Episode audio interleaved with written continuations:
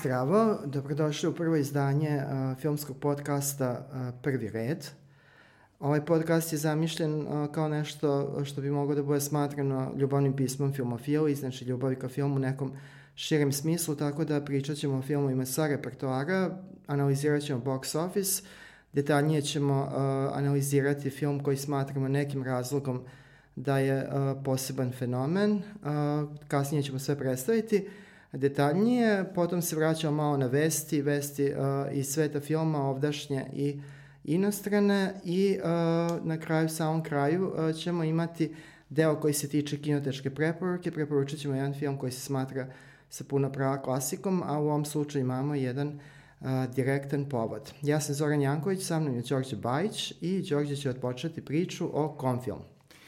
Pa pričat ćemo generalno o repertoaru srpskom, znači šta se trenutno prikazuje u bioskopima, kako su filmovi kotirani, kada je u pitanju gledanost. Tako da... I od čega krećemo? Pa krenut ćemo recimo od Balkanske međe. A, to je film koji je a, već de, dve nedelje otprilike na, na repertoaru, negde tu otprilike, da, da. I koji je zaista postigao odličnu gledanost, znači 150.000 gledalaca već je obezbeđeno. Ja mislim da postoji šansa da ovaj film Dobro, može čak i to duplira. Dobro, ali važno je da kažemo da je 150 hiljada sa tendencijom a, da se to nastavite dobar rezultat, znači nije u opadanju. Tako je. U ovom trenutku, ovi poslednji podaci koje mi imamo od juče, a, ukazuju da je negde oko 67.000 ljudi pogledao u poslednjih 7 do, 7 do 10 dana a, ovaj film i on je i dalje znači, potpuno dominantan. Znači nije, a, nije nešto što silazi sa repertoara.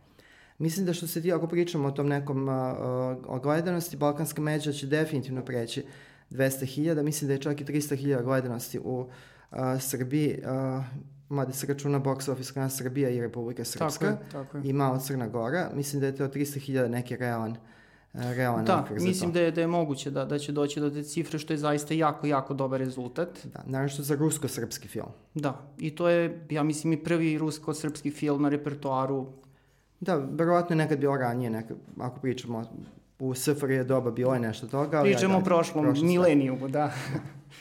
Ove, ovaj, očigledno je tu nešto kvrcnulo, očigledno je nešto škljosnulo. Dosta toga, ne. Jeste, dosta toga. Tako da, evo već možemo da najavimo zapravo da ćemo se kasnije malo vratiti na Balkansku među.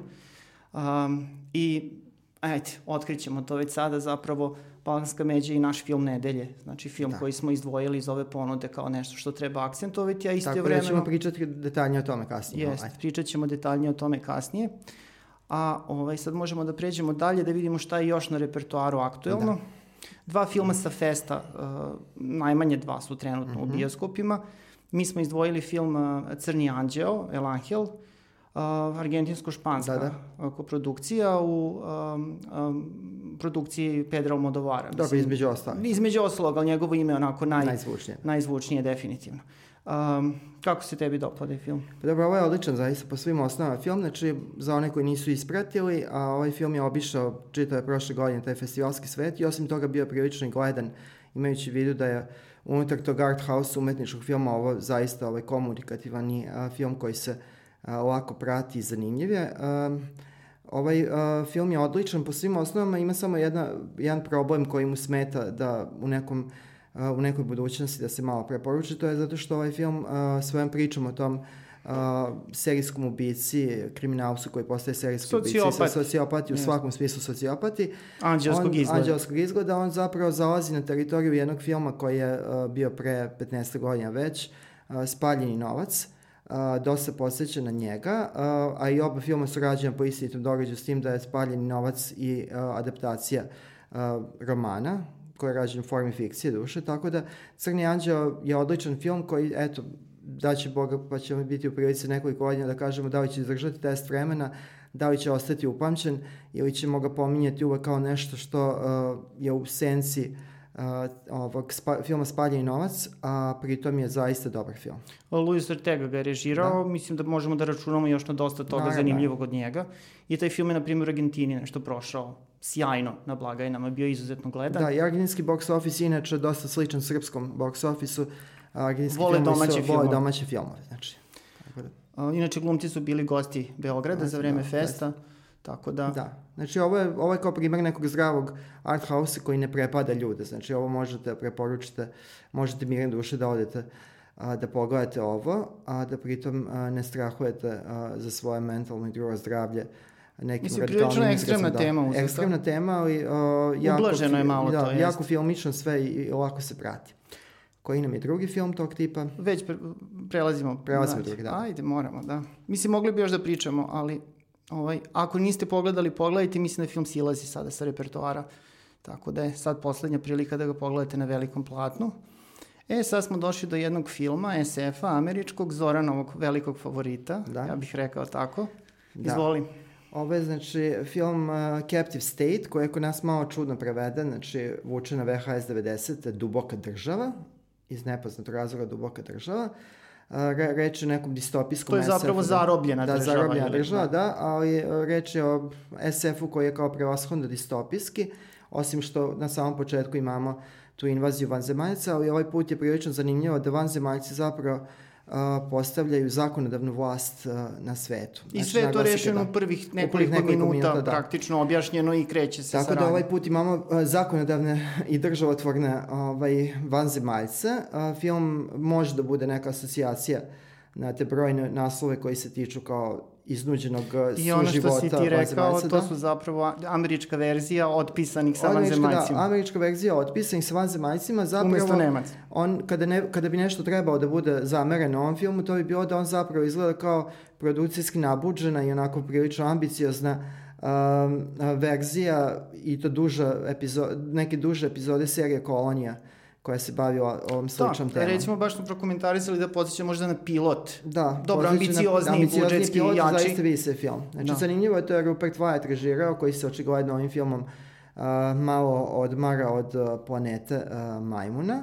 Meni je ovaj film uh, prilično legao, uzbudljiv je, mislim, meni sve sve ovde na mestu, ne znam, sem te sličnosti sa serijom Kolonija, uh, ne vidim šta bi moglo da mu se zameri ako ga posmatramo kao jedan kao zdrav repertoarski film negde ozbiljnijeg tona koji je namenjen publici koja je nužna uh, nema onaj histerični odnos uh, da na repertoaru zapravo treba gledati 12 meseci uh, bez prestanka superherojske filmove, te neke recidive njihove variacije na superherojske teme, prekombinovanja osvetnike u 3000 varijanti. Znači, ako ste za SF, a pritom a, vam prijaju filmovi nekog ozbiljnijeg a, profila, Captive State, odnosno Duboka država je upravo to. Znači, na nivou podele imamo Johna, Johna Goodmana, Veru Farmigu, Farmigu. da, i uh, dosta mladih glumaca koje znamo, neki od njih iz filma Straight Outta Compton. Tako da, mislim, ovo je onako dobar, uh, do, onako, neki čist zicer, dobar bioskopski film. Ali je zahtevniji Da, film, negde čini mi se gledalački, Pa... Mislim da i on ubrzo odlazi sa repertoara, tako da i to treba požuriti pogled, da, da se pogleda dok, dok ne nestane. Da, možemo da kažemo Ali ti SF si- za odrasle, Da, a? da, te SF za odrasle. Ti si nešto manje oduševljen. Pa dobro, manje mi se dopao u odnosu ovaj, na tvoju reakciju, ali ono kao prijelo mi je. Poštuješ moju reakciju. Poštujem tvoju reakciju i ovaj, cenim tvoje mišljenje, naravno. Ajde da vidimo dalje. A jedna dama je sada tu na redu. U pitanju je film Kapetan Marvel, a, jedan od najvećih hito, hitova ove godine, ako ne i najveći u ovom trenutku. Pričamo naravno o 2019. Milijard dolara je na nekom tom svetskom Da. da. nivou probijena već, oko 360 miliona samo u Americi od toga, znači trećina. Da, mada su ti zarade su već besmislene potpuno. To svako malo se dođe do milijarde. Tako da. Dobro, pa ne može baš svako. Mislim, mada ovaj film... U ovom, u ovom okviru, da. Programirano je da bude Da. hit prosto, znači pripremljen je teren. Uh, film je predstavljen kao superherojski odgovor na Me Too pokret, recimo, između ostalog. Ne znam koliko je to dobro za ovaj film. U tom nekom komercijalnom svi- smislu jeste, privukao je pažnju. I te čitave neke, ta priča oko tog feminizma, oko tog uh, šovinizma i tako dalje, prati baš dosta ovaj film. Ali kad smo mi otišli da ga... Ali nema u samom filmu. Da, E pa da. to sam upravo htio da kažem. Znači kada film pogledate prosto tu feminizma i nema nešto preterano, jeste glavna glumica, a, to jest a, glavna junakinja je žena, to, to stoji. A i glumice. I glumice, da. Ma da zamisli još da je muškarac Da. glumio, to bi bila jedna dodatna ovaj, a, dimenzija koju ovaj film nema. Onako film igra prilično sigurno, rekao bih.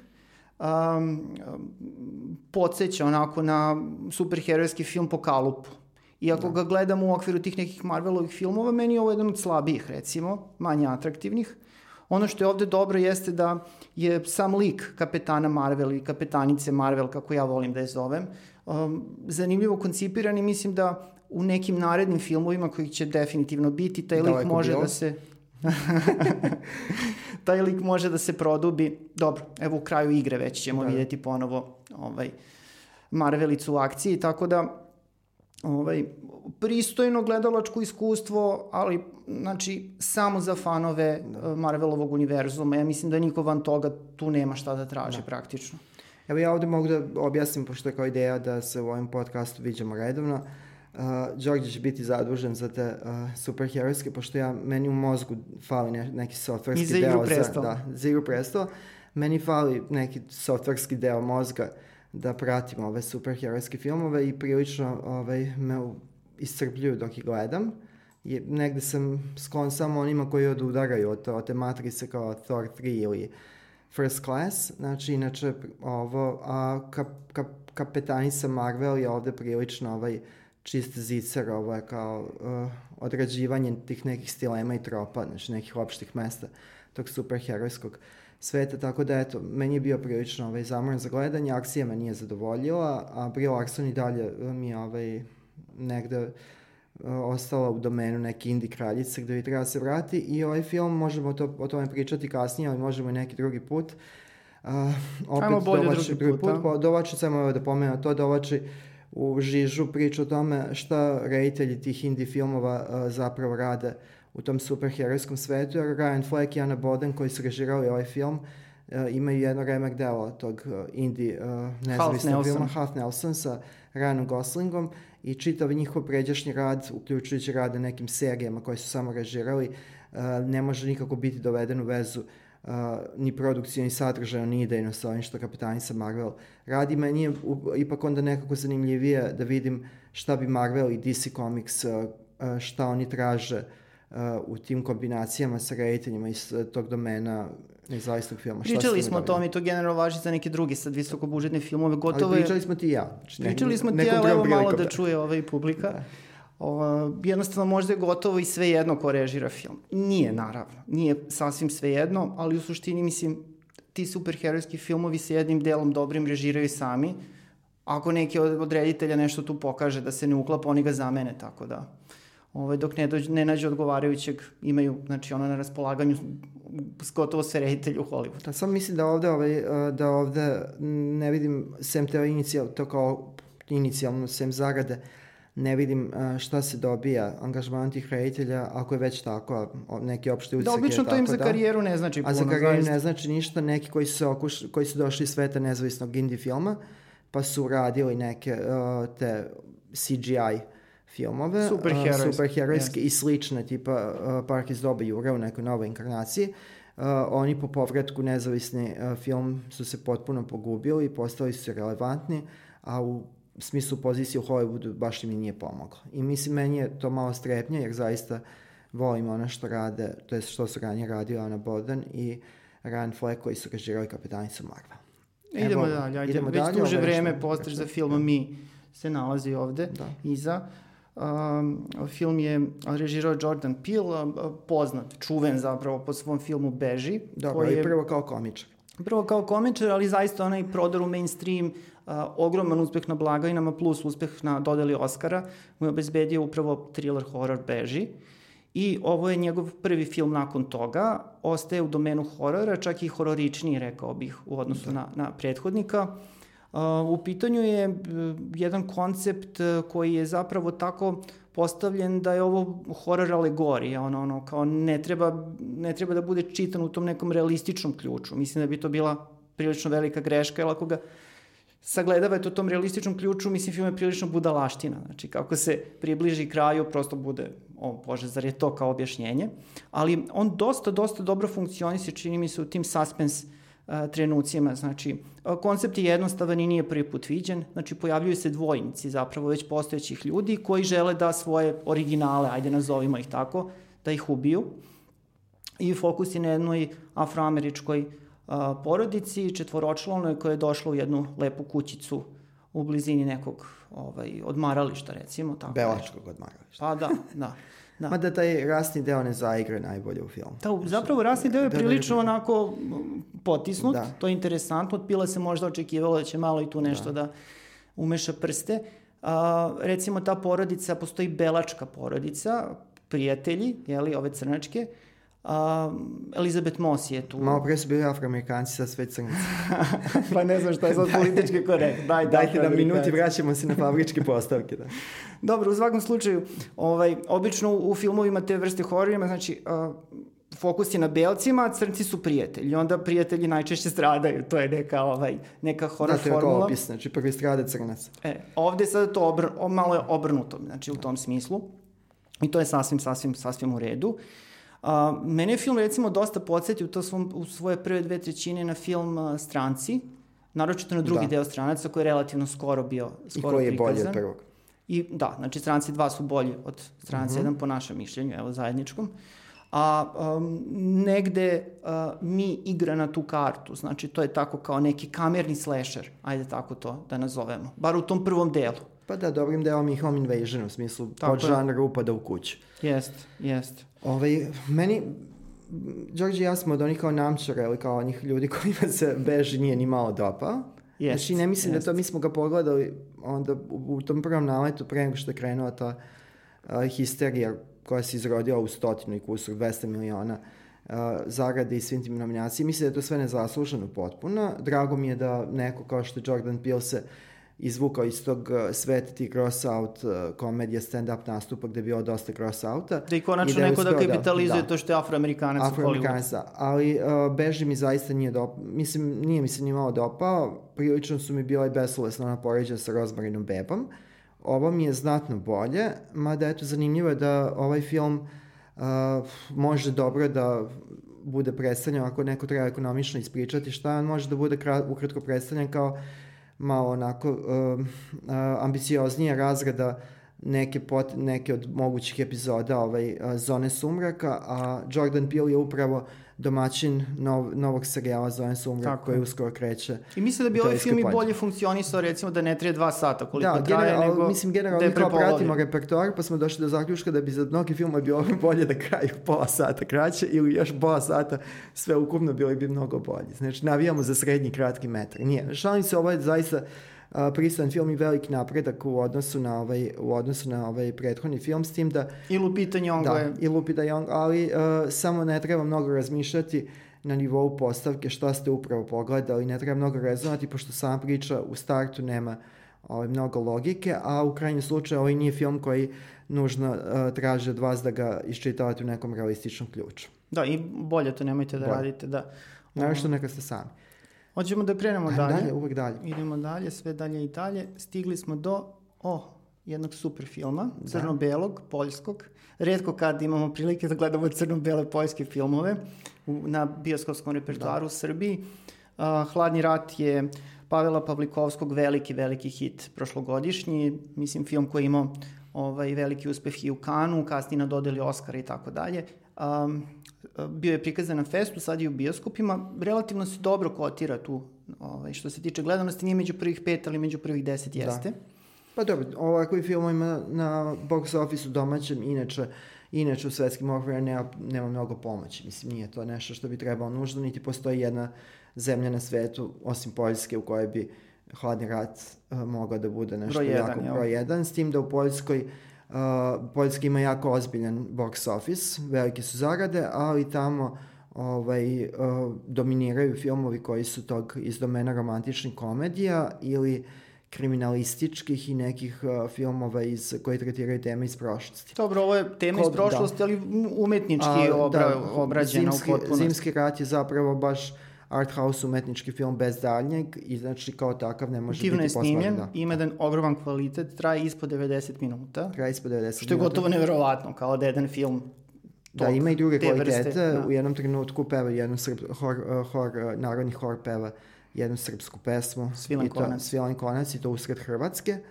Uh, diverzija. Diverzija. Malo, da. uh, Film se da. dešava, znači, to su 60, uh, 60 da, da, recimo, da, da 50. 60. 60. da. Ovaj, taj naziv uh, Hladni rat zapravo označava taj neki položaj uh, u, u Evropi politički Naravno, i tako dalje. odnosi se na njihov odnos, pošto njihov, Tako je. njihov odnos ovaj glavnih junaka uh, ima tu tenziju Vruće, hladnog rata, hladno, vruće da. hladno, ono kao tenzija koja traje decenijima i povlači se.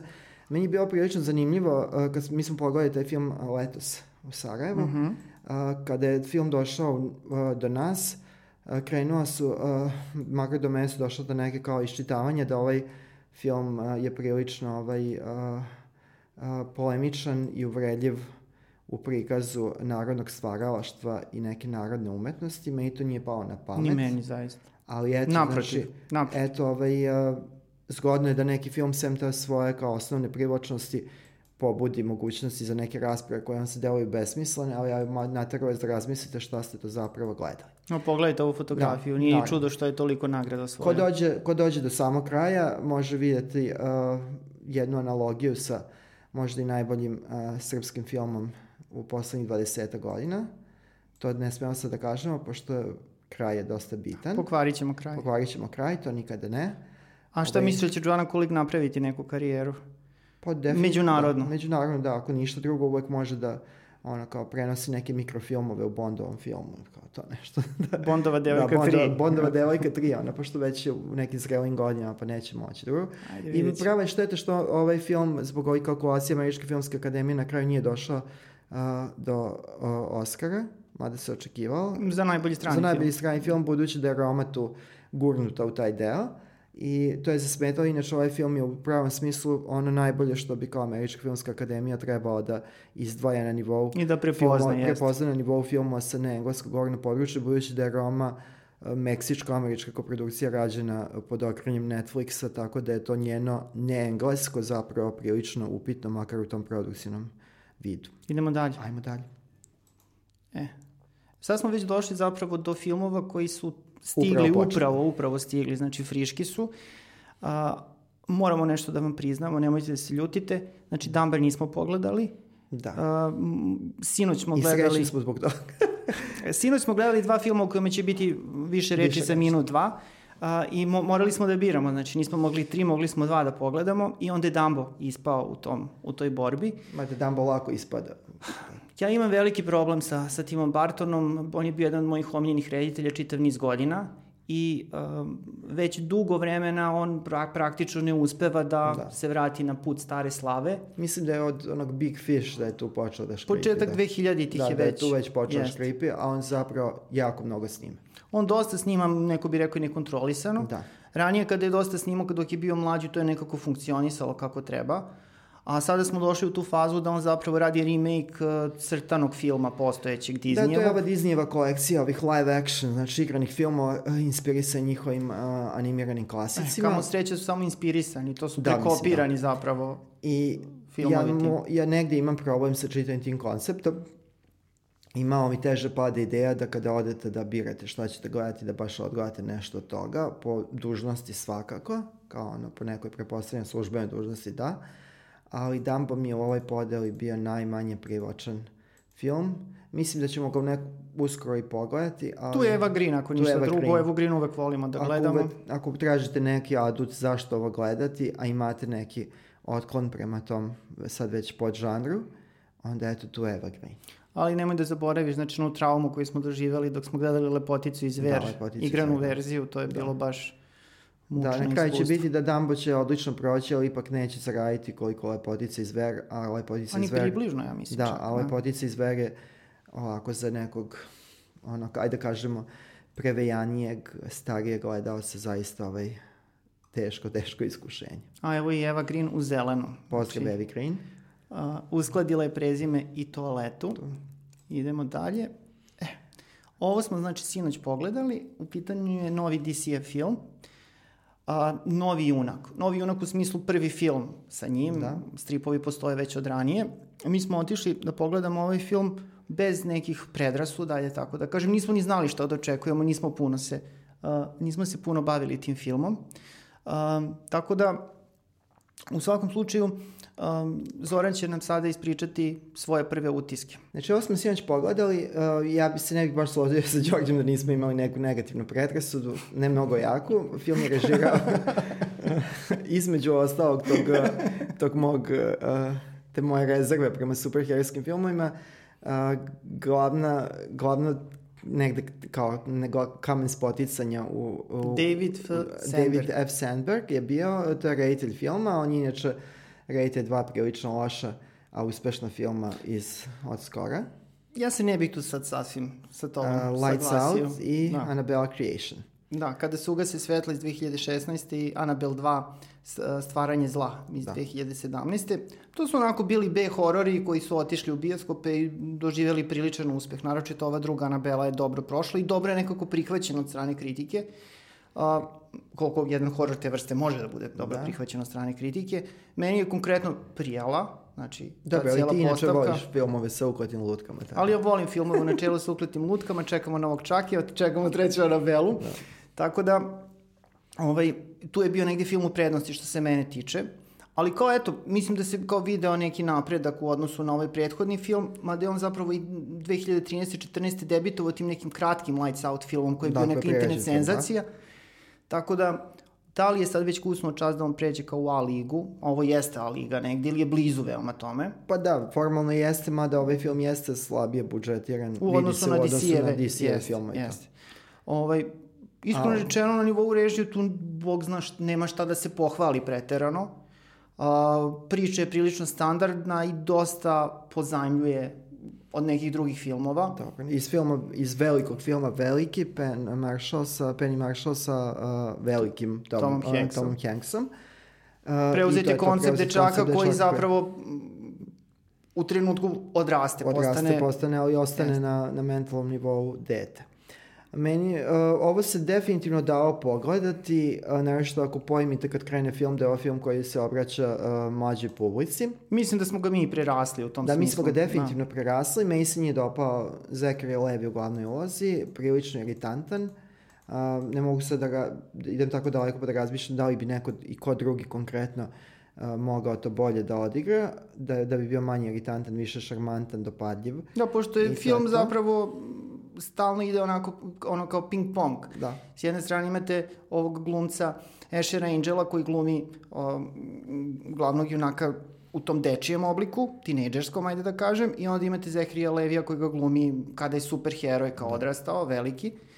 I iskreno rečeno, ove scene sa dečakom su meni mnogo, mnogo bile bolje i mnogo zanimljivije i taj dečak mi onako deluje kao neko ko bi mogao da napravi neku karijeru tu.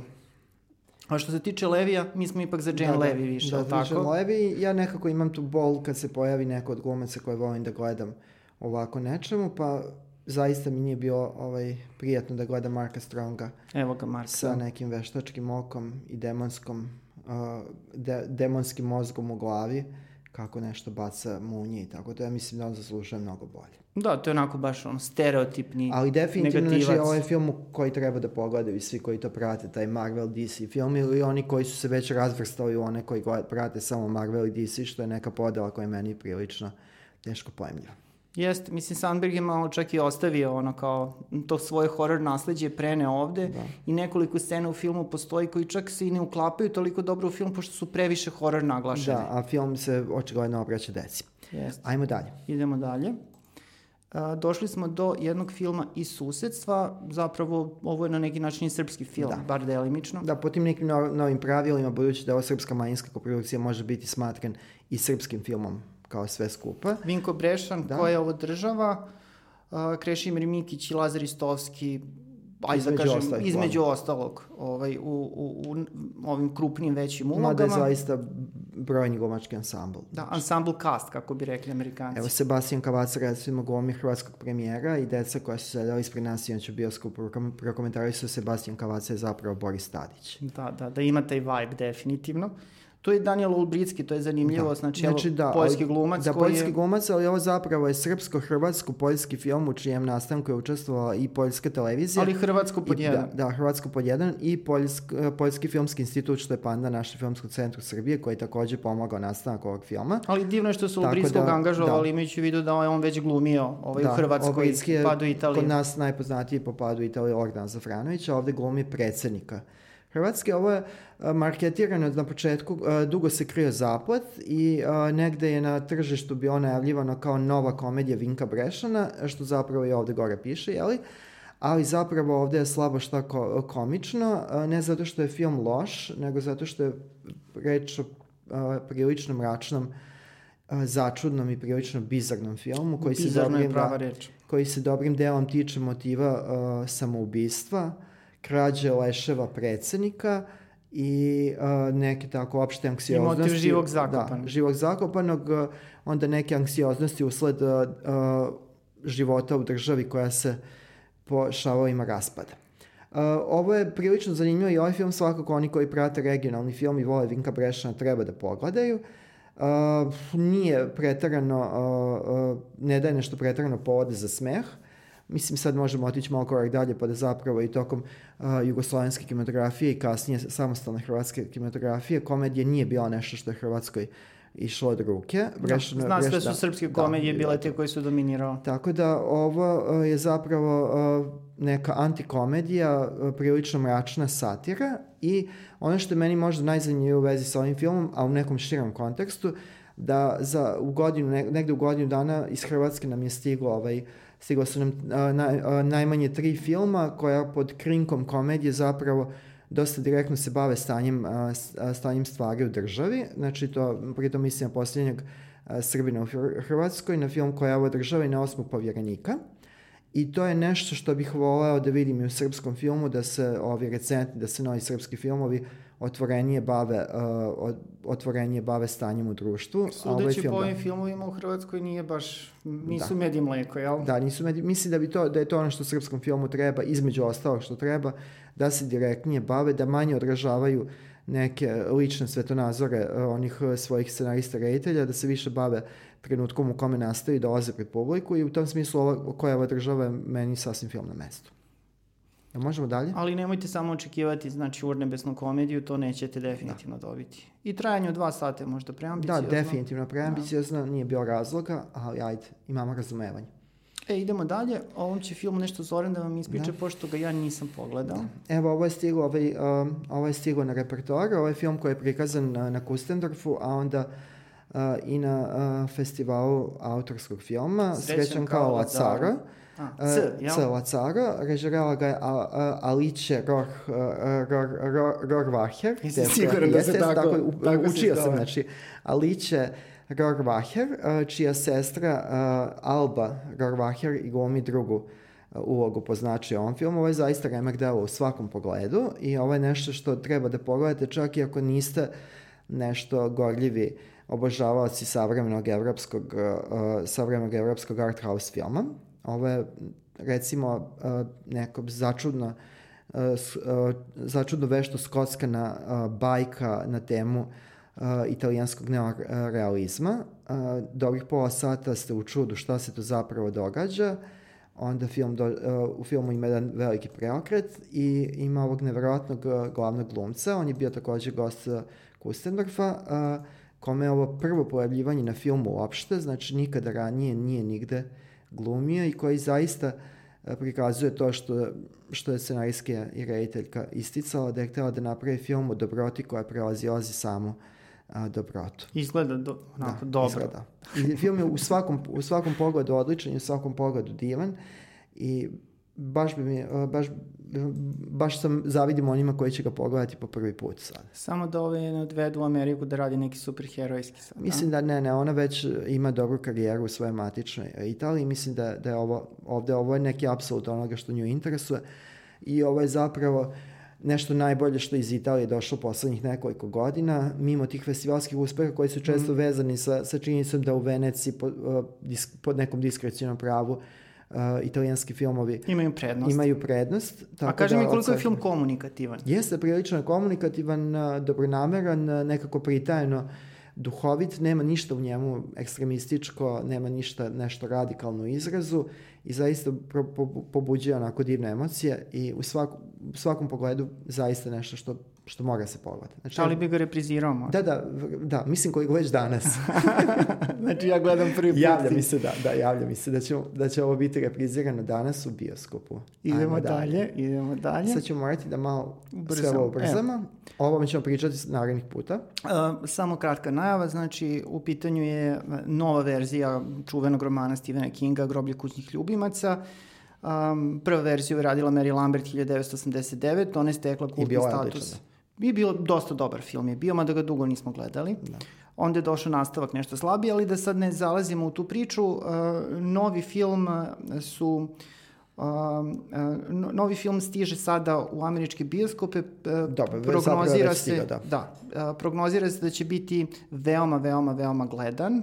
Čak um, na drugom mestu i odmah iza Shazama po, Da. po tom nekom... Znači, budžet koji su prijavili je 21 milion dolara, a pro- planirano je, vide ga ovi koji već to, uh, znaju da ga izračunaju, da će samo u prvom vikendu imati 30 miliona uh, dolara zarade. Kevin. Kolš uh, i uh, Denis Widmeyer su režirali film, Da. morao sam da pročitam. nisam- Naravno, to nismo još obučili ta imena, Ovaj. oni su imali taj neki Starry Eyes. Jeste. Eyes, neki nezavisni horror, horror, da, vrlo, art vrlo horror. ovaj, je Ovo ih hvaljen. je preporučila i znači ovo jedva čekamo da pogledamo. Uh, Jako je dobar baz, kako bi se reklo. I taj trailer je baš onako pošla je voda na usta mnogima kada se prvi trailer pojavio pre nekoliko meseci. Da, eto, za sada toliko, pa sledeće nedelje Da. detaljnije.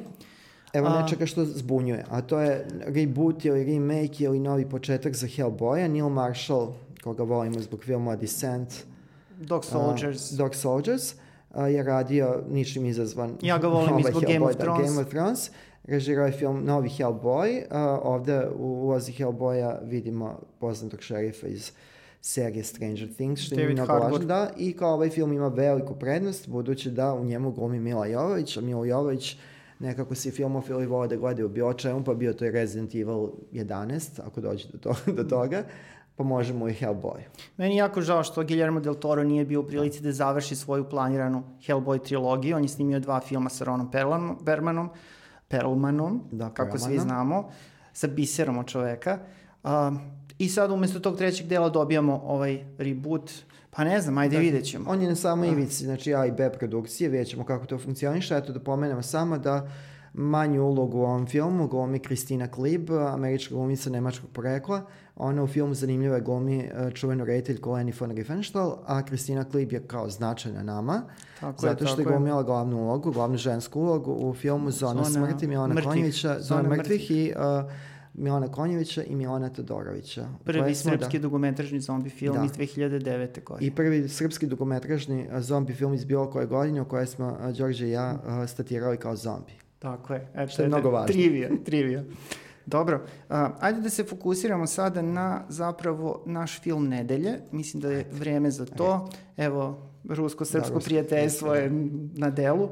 A, film je privukao jako veliku pažnju, znači hit je i u Rusiji koliko i u Srbiji. Da, u Rusiji je odlično krenuo, imao je za prvi vikend gotovo 2 miliona a, evra zarade. I prvi je naravno I prvi, bio na je- listi. prvi bio na listi, s tim da drugi film koji mu je bio kon, neka direktna konkurencija, a to je neka komedija recimo, romantična komedija ili komedija sa radnog mesta, nisam baš siguran. A, Kren, a, ta, taj konkurentski film je krenuo takođe a, Ruski. ruski, krenuo je te sedmice i zaradio je, isto za, odlično je prošao, i zaradio oko 450.000 evra manje, tako da je, možemo reći da je Balkanska međa zaista u, u nekom opipljivom smislu izdominirao na ruskim blagajnama, a onda ubrzo i na srpskim i ovo je... Trenutno je da, treći u Rusiji. Trenutno je treća u Rusiji, Dumbo je da. učinio svoje i mi se pojavio među Da, vremenu. ali moramo da objasnimo da u Rusiji zapravo uh, iz niza okolnosti uh, distribucija filmova traje uh, dosta kraće u odnosu na ono što mi znamo ako pratimo američke uh,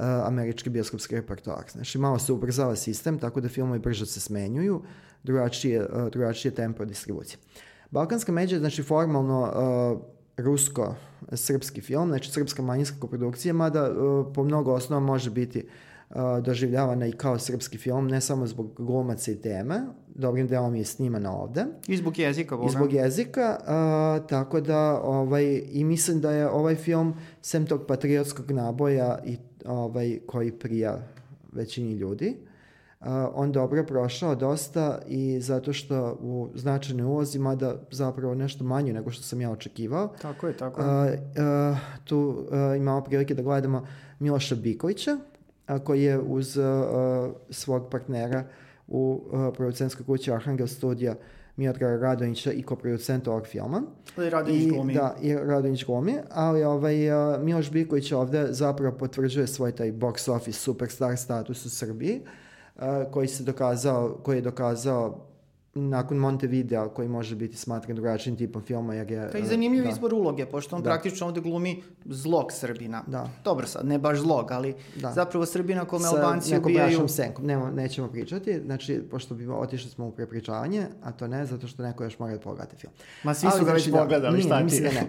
Miloš Biković je zanimljivo, znači, to što je zanimljivo, Miloš Biković ovde ima treći uh, veliki uspeh na, uh, u srpskim bioskopima u ovom periodu, znači, ne, po, u istog perioda posle Montevideo, znači gledali smo ga u ruskom ledu, koji je kod nas odlično prošao, ima negde oko 115-120 hiljada gledalaca, ako sam dobro upamtio, prošle godine. A gledate, Rasova da. i Biković su tu glumili. A da, i uh, on je tu treća uloga, ali svejedno jako značajna uloga. Onda Južni vetar koji je potpuno kao tu...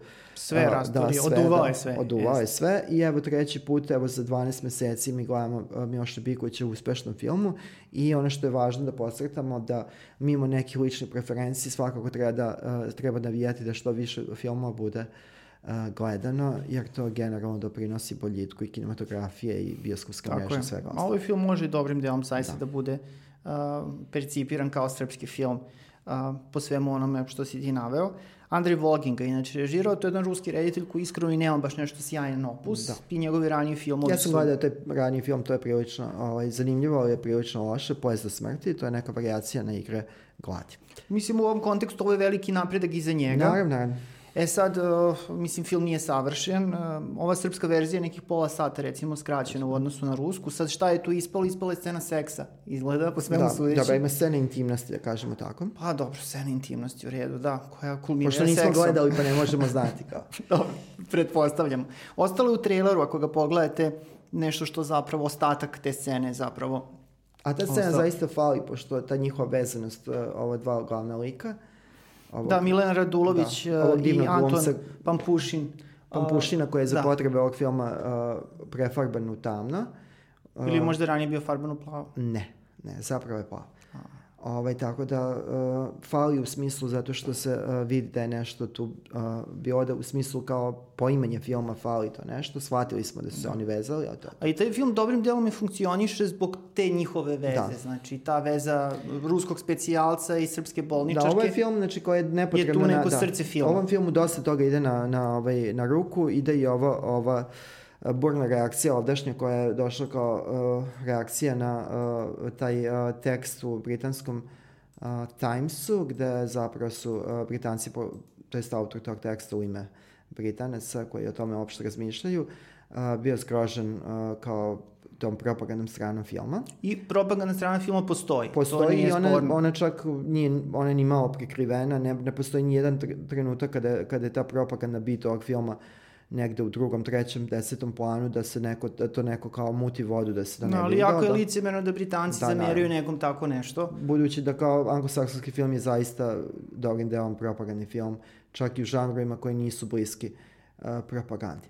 Tako da tom filmu, ovom filmu na nivou gledanosti u Srbiji to ide na ruku, tako da ovaj box office koji smo, rezultat koji smo pomenuli, može čak i da se popravi. Možda ovo deo neke stvari da. promotivne kampanje filma. A prilično zanimljivo da zapravo prodaju na svetskom nivou radi uh, britanska film, firma, znači tako da eto uh, iz Britanije će ovaj film krenuti zapravo dalje put trećih, četvrtih, desetih tržišta i feminološki je jako zanimljivo jer zapravo mi imamo prvi film nekih baš krupnih produkcijnih ambicija koja se tiče uh, tiče tih ratnih sukopa 99. na Kosovo i Metohiji, bombardovanje. Srbije, Beograda i naravno ovaj, Kosovo. Koji je odič, ovde obično kod nas se obrađio na tim nekim mikronivoima ili kao u slučaju filma Ranjena zemlja u ključu trash a, filma, nenamernog trash filma. Možemo da pređemo dalje, smo, mislim da smo sad zadovoljili repertoar jest, sitna srevca jest. i Ovo je bio osvrt na repertoar. Vraćat ćemo se Balkanskoj međi u narednim izdanjima kada bude tu još neko od, uh, možda od gostiju, jer ova predviđa da naš podcast ima i osim ovom prvom izdanju i gosta. Tako Gošću. Je, tako je, vidjet ćemo gost, da. gošća, znači varirat će to. Da. Tako je. šta, ćemo po, šta ćemo sada? Uh, prelazimo na sledeći segment da. podcasta, to je segment Crno ogledalo. Da, Crno ogledalo u kome se uh, bavimo aktualnom televizijskom ponudom. Naravno, mnogo je toga, moramo negde da stavimo graničnik, da kažemo o čemu ćemo se ovde malo pomnije baviti i mi smo odabrali za početak da pohvalimo nešto što zbilja valja, a to je nova, uslovno rečeno, kriminalistička serija 5, koja je uh, pre izvestnog vremena, uskoro će i peta epizoda serije 5. Krenula Zapravo na, emitovane u subotu uveče, da. Da, emitovane u subotu uveče. Krenula uh, na prvom programu RTS-a. I mi ćemo upravo i pričati da. danas o tih prvih, prvih pet, pet epizoda. epizoda da. Tako da je prikladno. I mi, zove se Ajde, serija reci mi pet... zašto ti se sviđa. Zašto mi se sviđa? Pet razloga zašto mi se da. sviđa. ne mora pet. ne mora ipak pet, jel?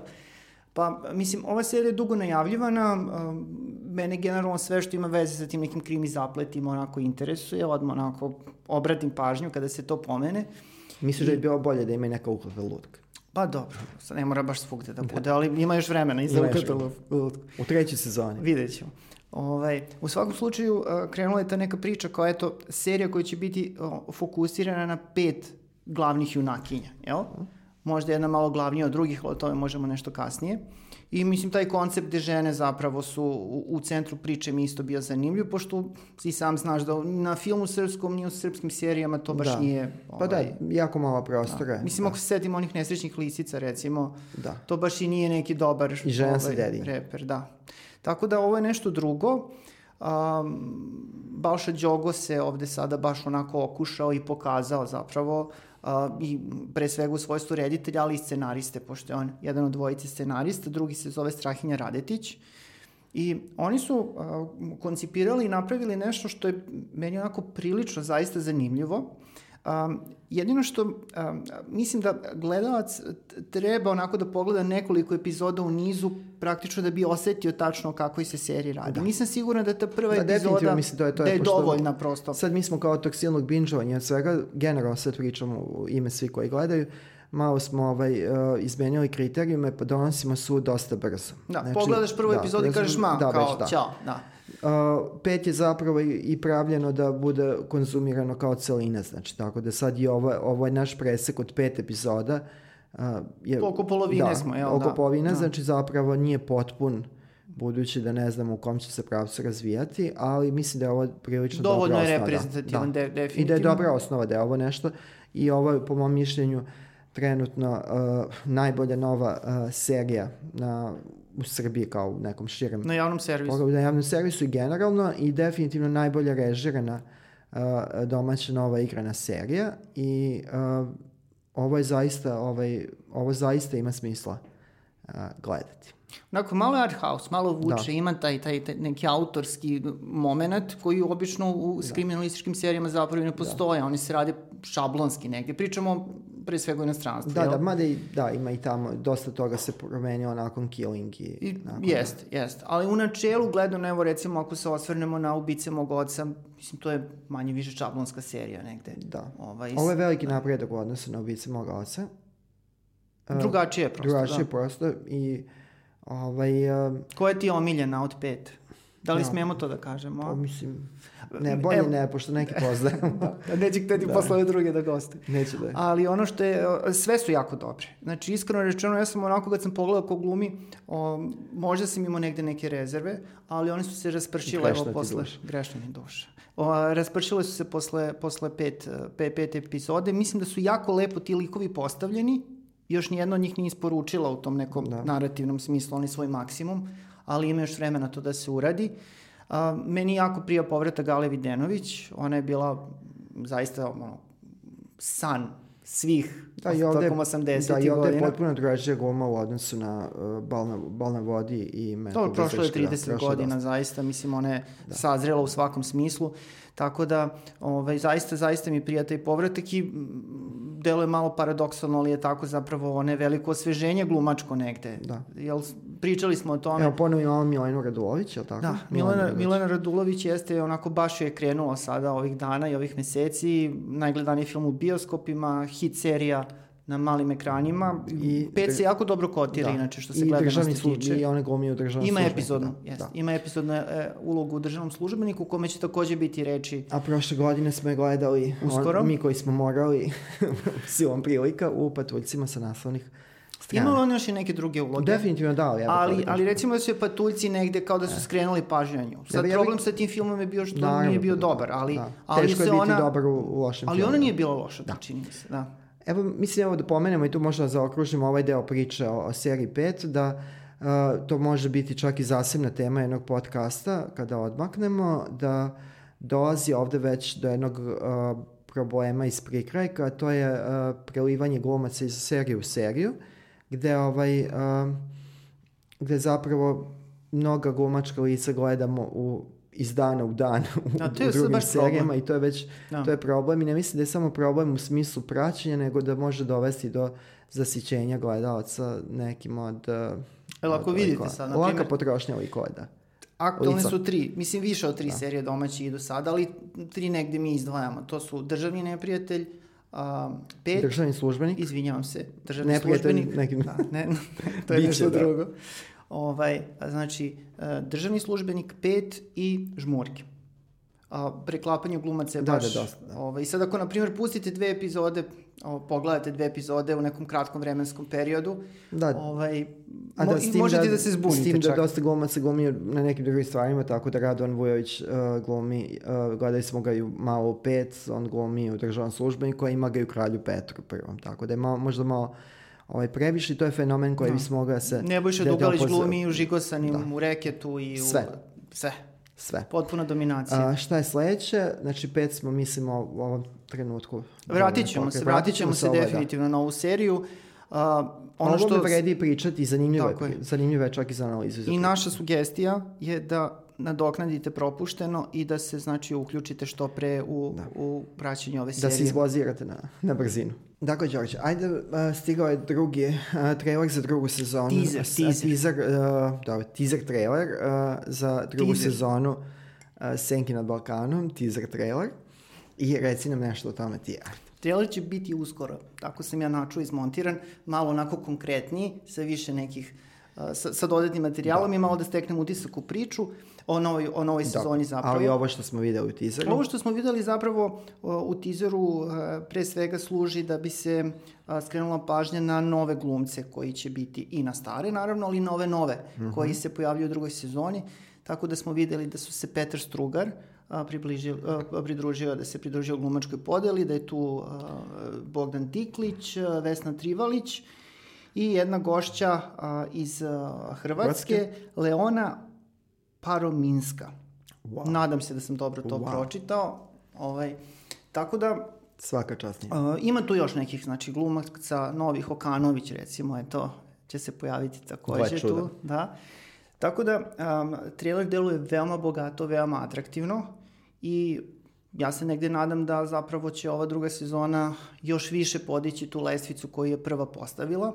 Ja evo bacam sad karte na sto, znači nema laži, nema prevare, od svih ovih domaćih serija u poslednjih par godina kada se zapravo i zakuvala ta, ta domaća produkcija, meni su Senke nad Balkanom prva sezona negde i najdraže i prosto smatram da je ta prva sezona bila najzaokruženija, najambicioznija, najraskošnija od ovog što je do sada ponuđeno.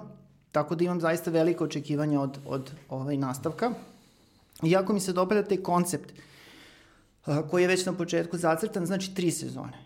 I to je to. Znači priča će biti ispričana iz tri sezone. A, emitovanje druge sezone je planirano za jesen. Nije još tačno fiksirano kada, septembar, Da. oktobar, jel, otprilike e, možemo da očekujemo nove epizode, tako da ovaj, jako, jako zanimljivo. Koliko mi se čini, u ovom teaseru sam primetio da se pojavljuje i slovenačka grupa Sestre, a, da oni imaju neku kabaretsku tačku. A, Dobro, to je po, po liniji ovog Magnifika. Tako. Da, da, da, što da ne, da. Ali eto i to je inter, interesantno. Ima čak i lezbijska scena, onako mali delić lezbijske scene u teaseru, tako da malo ima tih kvir momenta, čini mi se više. Dobro, da, i bilo je već i u prvoj malo. Ali je već bilo i u prvoj, da. Tako da eto, to je nešto ono što, što Ništa, znači, očekujem. znači na jesen ćemo vidjeti čija, čija glava će prva da se leti, zakotrlja. Da. Čija glava će prva da se zakotrlja. Znači ti si senkista, a sem toga si Gotičar. prestolaš. Go- prestolaš i reci nam nešto o Game of Thrones, budući da je ovo zaista mi je jako teško ovaj, a, da pratim a, Igra prestola. I Da, Zoran ne voli. prilično je sramota. Ja sam odgledao prvu sezonu sa, pri, sa dosta malo pažnje i desilo se čudo tome da sam problem, da, u tome Zorane, kažem, da, ovaj, to, to tako to, patuljci, guje, zmije, zmajevi, Dobro, to mi pusti onda teže meni, pada pusti i zato će jedan prestolač da, to ispričam. Ja zaista ovaj, ono igru prestola prilično, prilično posvećeno pratim. Zaista volim ovaj, da, da, da pogledam nove epizode i bez obzira na to čini mi se da je zaista vrijeme da se serija završi. Ovo je znači ta osma poslednja sezona.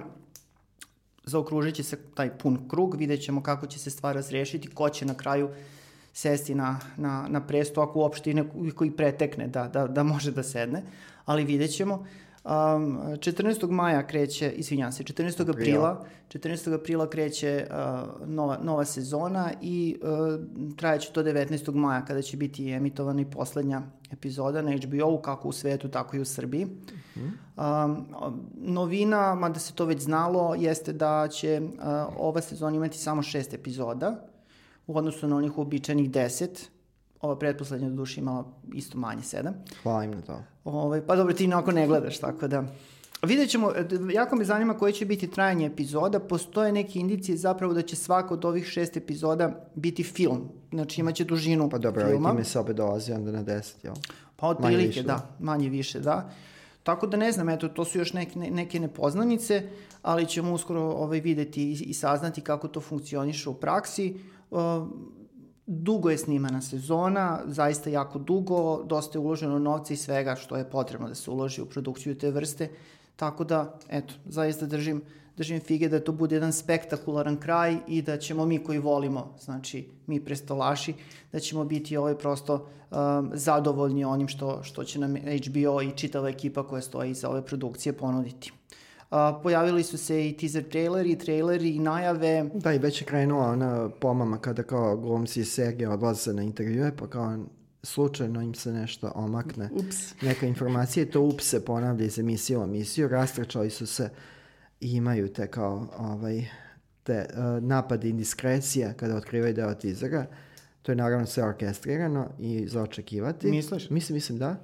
Jer ja se nadam da ovog puta da će HBO uspeti da sačuva ovaj epizode, da opet se neće desiti da se pojave... Likovanje čuveno, Da, likovanje ču, čuveno koje je pratilo koju na četvrtu sezonu ili koju već. Pa bilo je već više puta, puta da. da. E, Ništa, ajmo. čekamo, gledamo, pa ćemo komentarisati kako Da. bude ovaj emitovano. Ti ćeš pričati, ja ću koutati oči. ti ćeš, e, ti ćeš slušati i uživati. Da, i koutati oči. U svakom slučaju idemo dalje, idemo na novi, novi segment, sledeći segment, to je segment binžovanja. Da, binžovanje i pokušaj binžovanja. Znači da vidimo šta ima novo na streaming uh, servisima, Platformama. na platformama, znači sa naglaskom na Netflix koji u odnosu na Amazon i ostale zapravo ima i najobimniju, najraznovrsniju uh, produkciju.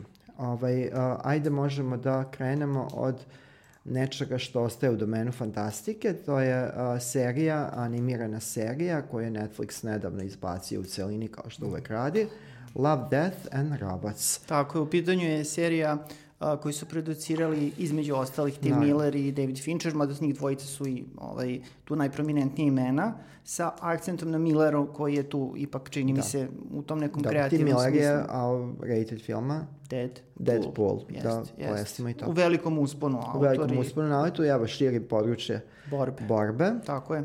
U pitanju je, znači, web serija, ajde tako da kažemo, mada to, mislim... Da, sad je to već To je, ne, prevaziđeno, to da. je, jeste, kao, nije, nije bitno. Da se naglasi, mislim, vrlo, vrlo dobro produ, producirana serija od uh, 16 epizoda. Ono što je zanimljivo i što na Netflixu već i nije toliko neobično, jeste da zapravo dužina epizoda varira. Varira, ali ostaje u tom nekom mikro izdanju. Jeste. Znači, Znači, ovo su minijature. 20 minuta. Ne, bila. čak i manje. Znači, Čak manje. uh, ja sam zapisao od 6 do 17. A, 6 do to je ta, 17. ta, ovaj, Tako da su neki, neki ovaj, od tih animiranih uh, filmova baš, baš onako kratki, neki su malo, da. Ovaj, za, imaju malo veći zamah, ali u suštini jesu to minijature. Um, serija je nastala kao odgovor na dugogodišnji pokušaj da se zapravo uradi nova verzija uh, čuvenog animiranog filma Heavy, Metal, a, koji je opet zasnovan na čuvenom strip magazinu Heavy Metal. A, to je film koji je prikazan recimo 1981. Da, to je pod, sam početak 80-ih, definitivno, da. Ovaj, jeste, 81. godina Bravo. i uh, pa imam, imam zapisano. Bravo. Bravo što si zapisao. Znači, hvala. Znači, uh, u pitanju je film koji je onako kada se pojavio, ja se čak i sećam kada se pojavio, znači imam to sećanje, a, onako izazvao je jednu veliku senzaciju, jer praktično prvi put, ako sada abstrahujemo ove japanske filmove koji u to vreme još nisu anime, koji nisu nešto Da. prodrle, još nisu bile dostupne, Znači imali smo priliku da pogledamo animirani film sa jako puno seksa, nasilja, golotinje, znači to prosto ranije nije bio Dobro, i to je iz slučaj. stripa proizašlo, tako da. To je apsolutno proiz- proizašlo iz stripa, a e, iz e, magazina Heavy Metal koji se Da, da, mislim da- specijalizovao da, za da. tu vrstu sadržaja. Izgleda, da. Tako da, a, produkcija animiranog filma je dosta skupa, to se zna, i ljudi nisu kao hteli da reskiraju, obično. I a, zapravo taj heavy metal je bio veliki reskir te 81.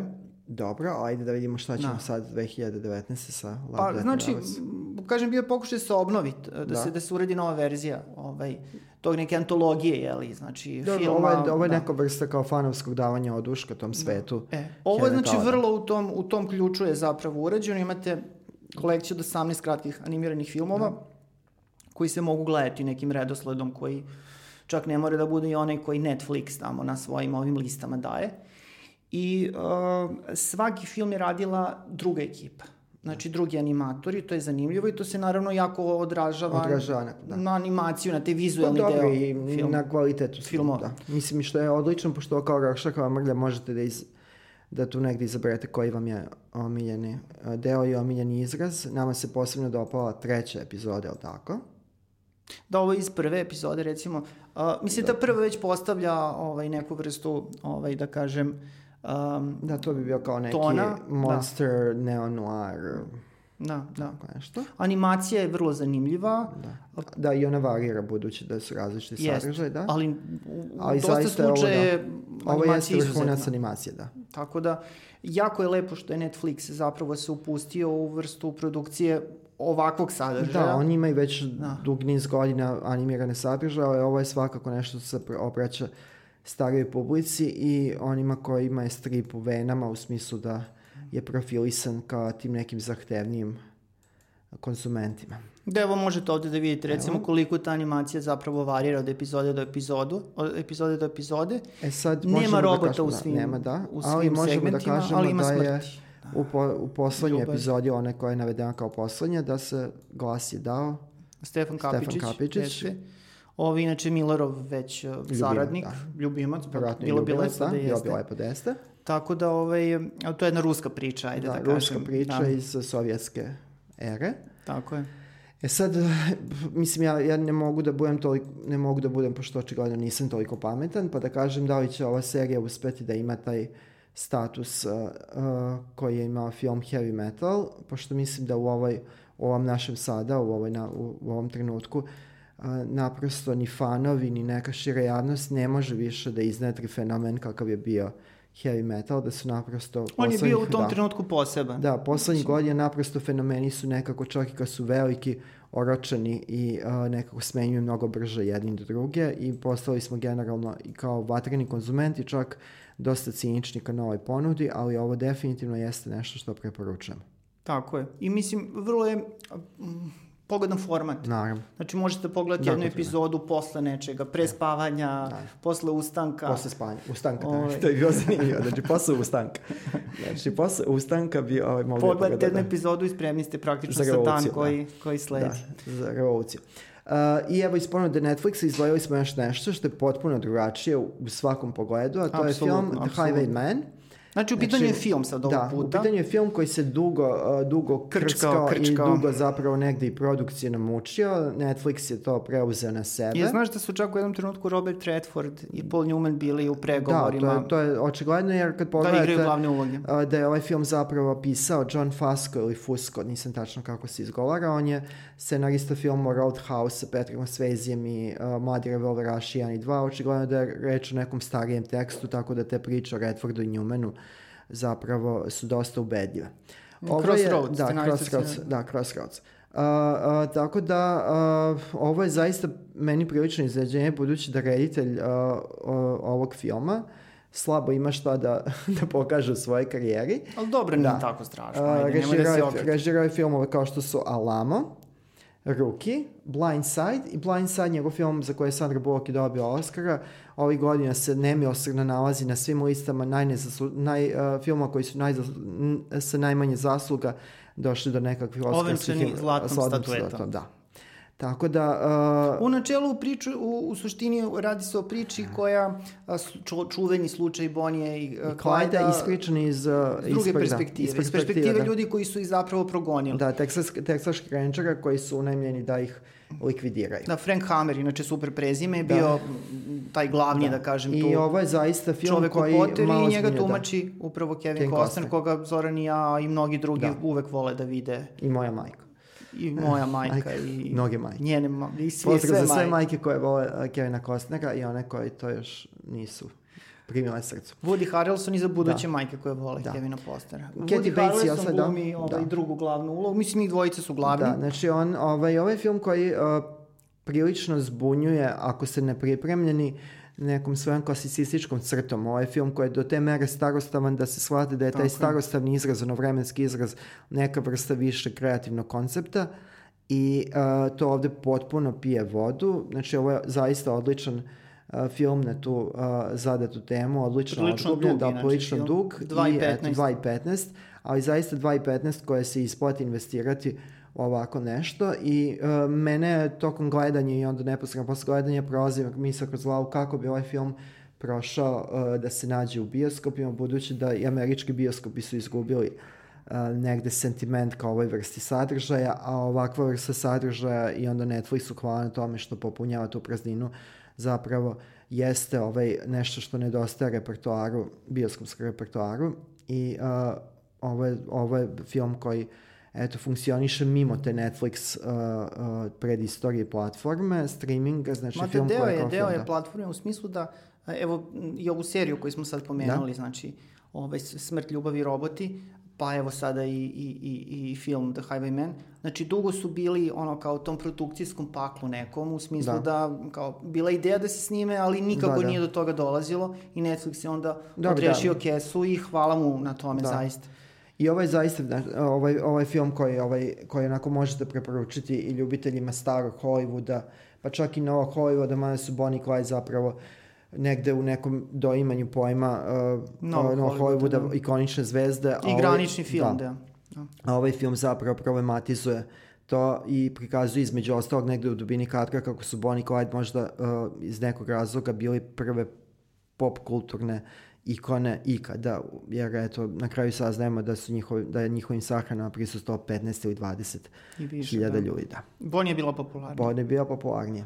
Tako da i u ovom filmu gotovo da nećete vidjeti Bonnie Clyde, znači e, jako, oni su, jako jeste, malo. Oni su iz, vrijebaju iz prikrajka. Da, iz Često sa leđa, iz poluprofila i slično.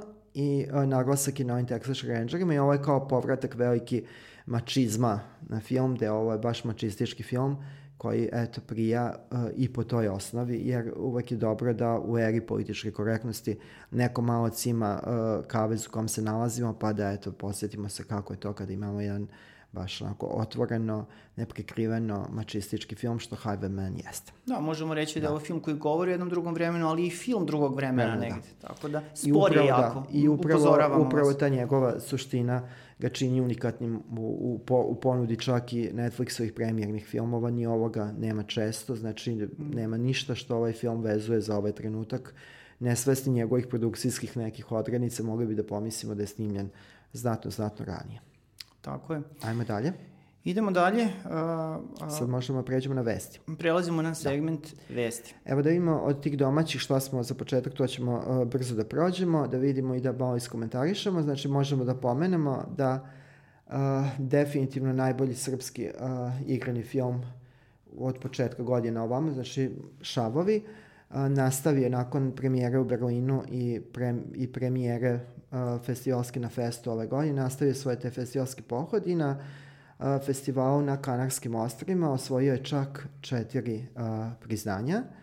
A, ovo po drugi put u odnosu na Berlin, ovaj film je osvojio nagradu a, publike. Pa ovo je što, film koji publika definitivno voli. Da, tako da de, a, definitivno se potvrdio on neki utisak koji, imaju do, koji je imao dosta ljudi koji ga pogledao i pre premijere i nakon, da ovaj film u tom festivalskom svetu zapravo uh, najbolje funkcioniše kod publike. Znači komunikativni festivalski film, film. Što, znači, je što je prilično, prilično mm. redka stvar, znači on može da se gleda kao neka variacija na slow cinema, na taj pokret uh, sporog izraza u filmu, ali jeste film koji zahvaljujući Miroslavu Terziću kao reditelju koji je očigledno na osnovu Ustaničke ulice Zna da režira. ima, zna da, zna da režira filmove koji se i obraćaju publici, a ne samo festivalskim žirijima i onima koji e, čine tu neku prilično obimnu i uticajnu sektu uh, posetilaca uh, i uh, posetilaca ili kritičara koji prate festivale. Tako da je on na Kanarskim ostrima osvojio znači, nagradu publike, to je jako značajno i bit će zanimljivo da se vidi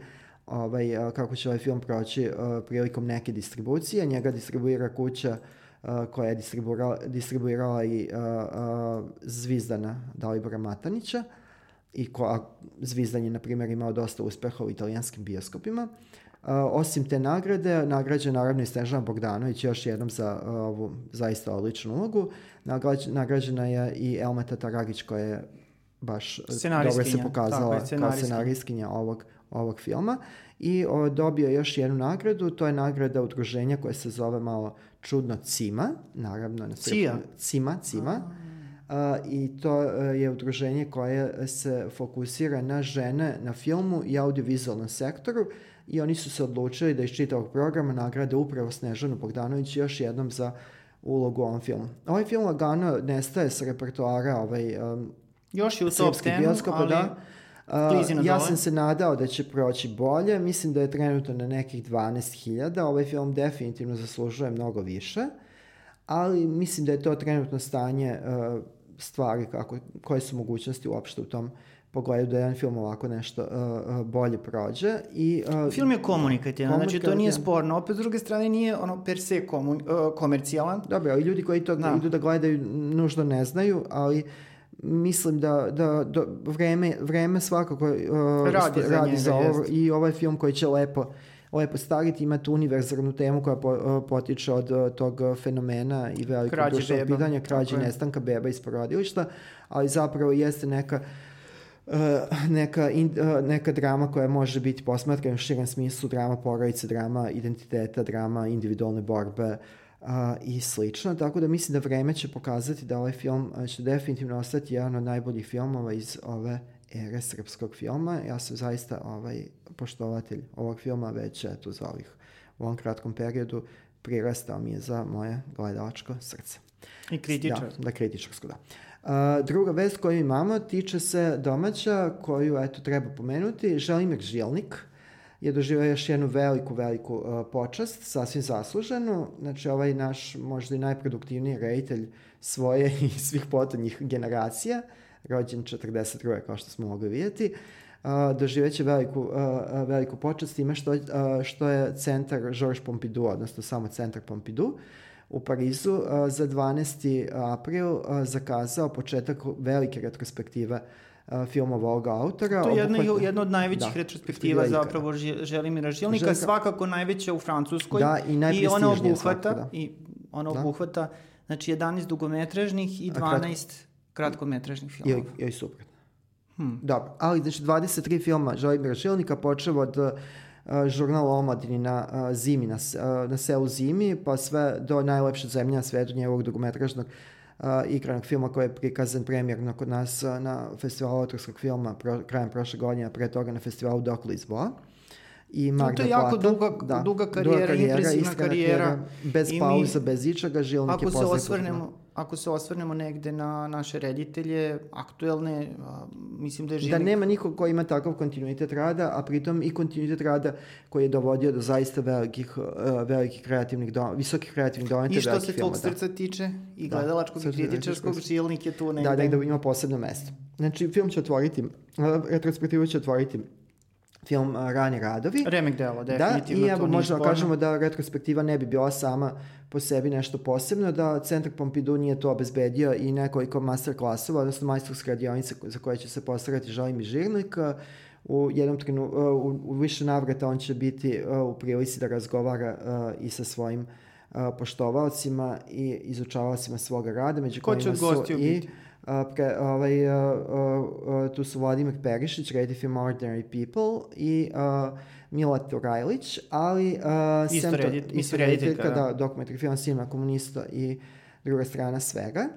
I uh, uh, za potrebu ove retrospektive, a to je tradicija svih retrospektiva ovog tipa i obima u centru Pompidou, uh, spremljen je dokumentarni film gde se sada Želimir Žilniča, ja, odlično zvuči na srpskom, mnogo bolje nego na francuskom ili na engleskom, koja je nastala kao koprodukcija, kao produkcija Centra Pompidou i Playground produkcija u, u, koje, u okviru koje stvara Želimir Žilnik. To je urađen film baš za ovu potrebu i a, da bi se stekao širi kontekst, a, u, ovde su pridodata i, a, pridodato i pet filmova iz takozvanog crnog talasa, iz baštine crnog talasa ili novog talasa, kako su ga ranije nazivali, srpskog filma, tako da će tu biti prikazani filmovi Čovek nije Tisa Dušana Makaveva, Kad budem mrtav i beo Živojina Žike Pavlovića, Vrane, koje ja jako volim, uh. Ljubiša Kozomora i Gordana Mihića, Skupljači Peri Aleksandra Saše Petrovića, I ono što je posebno zanimljivo, ne, konačno se neko setio da u te retrospektive, viđenije retrospektive Crnog talasa uključi jedan film Kokana Rakonjca, koji obično biva skrajnut u okviru izučavanja i prikazivanja ovog crnog talasa, srpskog jugoslovenskog crnog talasa i tada će biti prikazan njegov veliki film koji mi mnogo volimo, a to je film Nemirni. Eto, toliko o toj retrospektivi. I, I sad... još samo ja hoću nešto da kažem. Reci. Ovo je neki improvizovani, je li ovo originalni poster zapravo? A, pa sad to je, ja mislim da Tiško čak da jeste, bilo, da, ali o, stanje postera kod nas prilično diskutabilno u tom nekom arhivskom smislu. Ali mislim da ovo jeste jedan od zvaniša postera. Ali na posteru za ovu retrospektivu i na naslovnoj strani kataloga nalazi se ova slika Milja Vujanovića da. tušira, jedna od najlepših fotografija. Da, to je ikonična pojava. Evo, da. gore imamo i Bogdana Tirnanića, a pored njega i Marka uh, Nikolića, tako eto, to je jedan ovaj Nažalost, da. svi pokojni sada. I ovaj, um, eto da, po, da pohvalimo to, Želimir Žilnik je možda i vodeći srpski autor po pitanju uh, ozbiljnosti pristupa uh, svojoj arhivskoj građi, tako da sem jako de, uh, detaljnog sajta uh, postoji i monografije Žilnikovog rada koje mogu da pomognu novopridošlima da se snađu u njegovom zaista, zaista obimnom i za ni krajnje zanimljivom opusu. I a, to bi bilo toliko želim u žilniku. Možemo sad kratko da rekapituliramo šta se desilo na Martovskom festivalu. To je Martovski festival, svi ga zovu Martovski festival, zapravo zvanični naziv je Beogradski festival dokumentarnog kratkometražnog filma. Mislim da su i promenili, znači da, da zvanično bude Martovski. Kao, da. Ostaje kao objašnjenje koje je detaljnije. Beogradski festival dok, dokumentarnog kratkometražnog filma, on je nedavno uh, uh, počeo i završio Evo, se. Evo, ja ću vam pokazati i... uh, katalog, znači festivala. Um, jako, jako lepo ovaj, uh, uh, grafički dizajn i ovo rešenje zapravo kao omaž uh, Dušanu Makavevu. Dušanu Makavevu. Ajmo samo onda brzo da kažemo šta je sve moglo da se vidi po čemu je Martovski festival, pošto Martovski festival se sad našao u nezgodnoj situaciji budući da su mu uh, da mu za, dar, za vratom darče mnogobrojni na skoriji festivali dokumentarnog da, problem filma. Je definitivno. Problem definitivno. Imamo ima tri festivala dokumentarnog filma. Za 40 dana, recimo. To je zaista ono, previše. I jedan film, i čini su da dokumentarni filmovi se prikazuju i na festu, i na festivalu autorskog filma, a da je krajem januara pokrenuti novi festival u Kombar dvorani, Dog Fest, tako da Uh, već uh, dolazimo do toga da nestaje, što se tiče dokumentarnog filma, da nestaje ovog, nestaje materijala za ovo. Ali eto, znači, pobedio je u glavnom programu dugometražnog filma, pobedio je, da pomenemo još samo to, film Okupirani bioskop, a najbolji kratki domaći dokumentražni film je film Mogu sam Nikole Polića. Uh, kratkometražni dokumentarni, da. Dobro, mislim, ovaj, nekad, svakako ono po čemu je Marsovski festival jako poznat i što ja želim da istaknem jeste da zapravo Marsovski festival je zapravo dobar poligon na kome mladi autori predstavljaju svoje filmove i na ovom festivalu je bilo nekoliko veoma, veoma zanimljivih autora za koje sam ja zapravo sad prvi put čuo ovaj, a, prethodne da. nedelje. Tako da... Evo, toliko o Martovskom, pa onda ćemo da pređemo na sledeći segment. Zapravo ostajemo u domenu vesti, ali ćemo se sada malo fokusirati na strane filmove, strane autore. Uh, Um, dva zanimljiva trailera su se pojavila premijerno evo ovih dana na internetu, pa čisto da ih, da ih prokomentarišemo i da prokomentarišemo filmove koje predstavljaju. Um, kao što vidite ovde iza mene, uh, film Joker je, um, da kažem, um, mm -hmm. tu, montira se, priprema se. Uh, um, u planu je da film bude prikazan 4. oktobra premijerno. Uh, Todd Phillips... Naravno i kod nas, tako da. Pa ja verujem da kod nas isto ovaj, odmah, odmah stiže kod nas. To je neka praksa.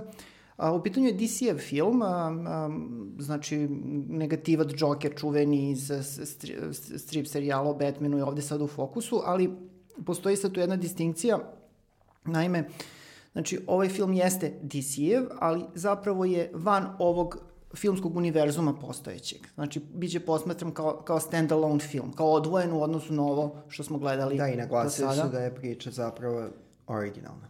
Pa da, to je znači origin story, kako bi, kako bi rekli, znači kako je Joker postao Joker. Mada smo u svim film zapravo imali smo malo Da, već više puta smo imali puta, imali kako je postao Joker. Sad da. ćemo vidjeti kako je sad postao. Da, da. Tako da ovo, je, to je interesantno, mislim da je ovo prilika za malo, za neku promenu tona u odnosu na ove onako nabuđene DC-eve superherojske filmove, koji su te neke standarde već postavili. Ovo je nekako, bar sudeći po ovom a, traileru, kamernija priča, dramskija da, priča. Da, kao mračniji tonovi, a pritom Apsolutno, i da. obećavaju da, da će biti nešto mračnijeg humora. Videćemo, mislim, deluje zanimljivo, da. Phoenix je tu, da. Joaquin, Joaquin Phoenix, Fe, da. Phoenix je ovaj, u naslovnoj ulozi. Robert De Niro se takođe ovaj, da. pojavljuje. Doduše ne znam šta glumi tačno, ali ovaj, bit će ga zanimljivo svakako videti. Pa ono ovaj. svoje. A, ono što poslednjih 20 godina. Znači, film traje 2,5 sata, da, ono, to da, je... Da. Ono spora gluma, malo mrštenja i puno treptanja i to je Robert De Niro poslednjih 20 godina. Ali mislim da je Todd Phillips onako negde generalno u nekom usponu. Da, to je, mislim, posle, meni je lično to naj, najvažnija da. stavka ovde. Posle Todd tri, Phillips je ovo da, režira. Posle trima Murluka, mislim, možemo pričati o Murlucima i možda ćemo nekom drugom prilikom. To su svakako značajni filmovi, naročito ovaj prvi. Uh, Todd Phillips je uh, režirao nedavno film uh, Psi rata koji je zaista ovako spojio komediju yes. i dramu na jedan vrlo, vrlo efektan da, način. Ali meni Todd Phillips ipak ostaje onaj najzanimljiviji u onom prvom svom delu karijere, kada su bili oni sjajne one komedije, Road Trip, da. koji je kod nas na nesreću kao malo plasiran kao lažni nastavak uh, američke pita, zapravo nema nikakve veze sa da, tim. Da, to je film sa, da, kome Radi Šerbeđija da, stvario kultnu da, da. Old School. Ne, Radi Šerbeđija bio Eurotrip, ovaj Road Trip, da.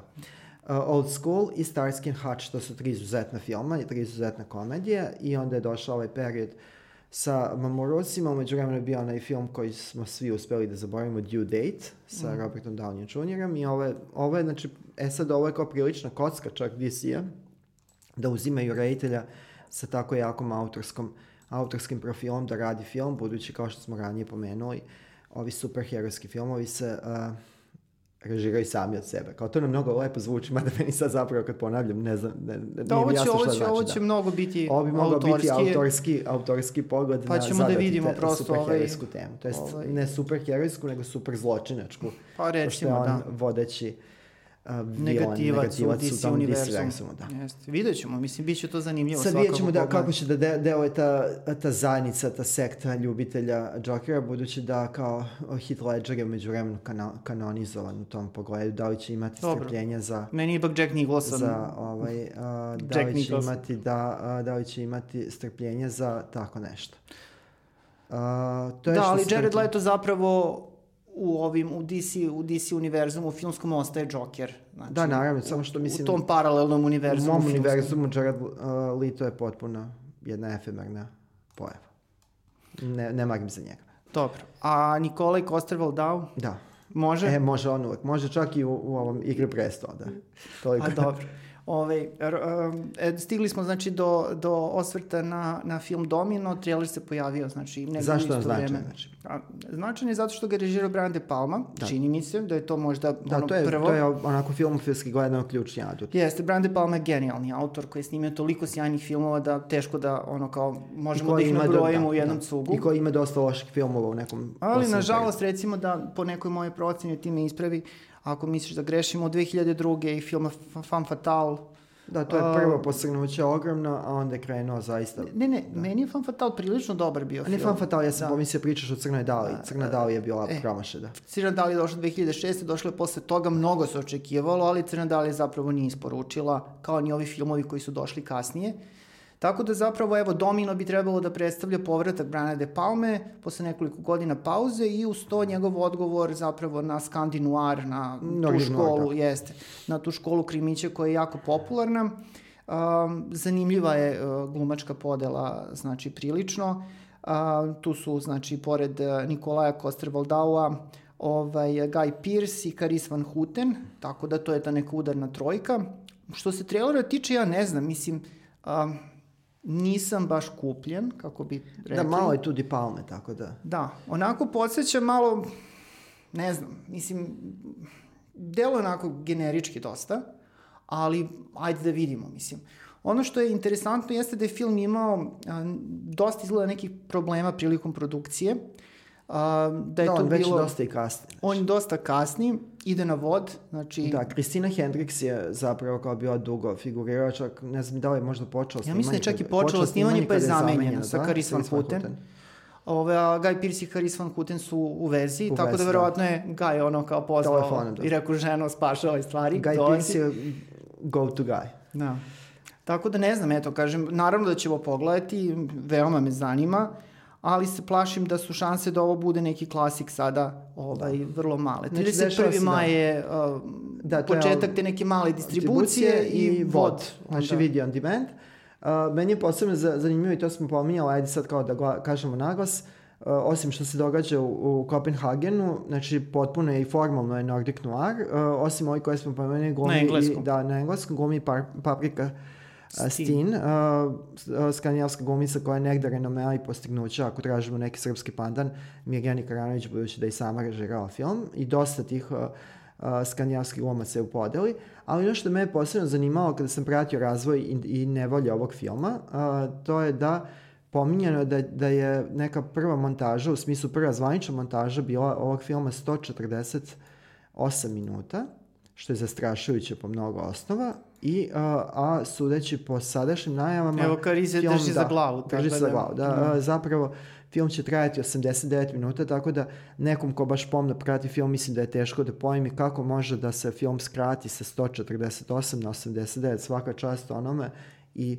Pa ne, očigledno da može, može ali, može, da. ali mislim, pitanje šta je na šta kraju je ostalo. ostalo da, a onda je zanimljivo i šta je, ovaj, šta je otpalo, pa ovo je možda jedno od onih filmova koji će imati zanimljivo Blu-ray izdanje, jer će deleted scenes biti uh, zamašna. Tako da, eto, to je što, što se tiče tih udarnih uh, vesti sveta, mi smo ih malo probrali, naravno, mnogo toga ima i o mnogo tome može da se priča i mi smo mnogo tome uh, odebrali. Sad je jedna zbirna vest koja se tiče svačeg ali, ljubimca. Ali vrlo kratko. Znači, vrlo kratka, uh, Keanu Reeves. U velikoj ekspanziji. U velikoj ekspanziji, u, mada se često čini da Keanu Reeves uh, ima neku malo neozbiljniju, ovaj, uh, neozbiljniji pristup vođenju svoje karijere, ima ga u ovome i onome, nekad ga pogledate u nekom filmu pa vam nije jasno šta on tamo radi. Nekad su to neke zanimljive ekstravagancije. Imali smo prilike da ga pogledamo u ovom filmu Destination Wedding sa Vinonom Ryder, što je lepo.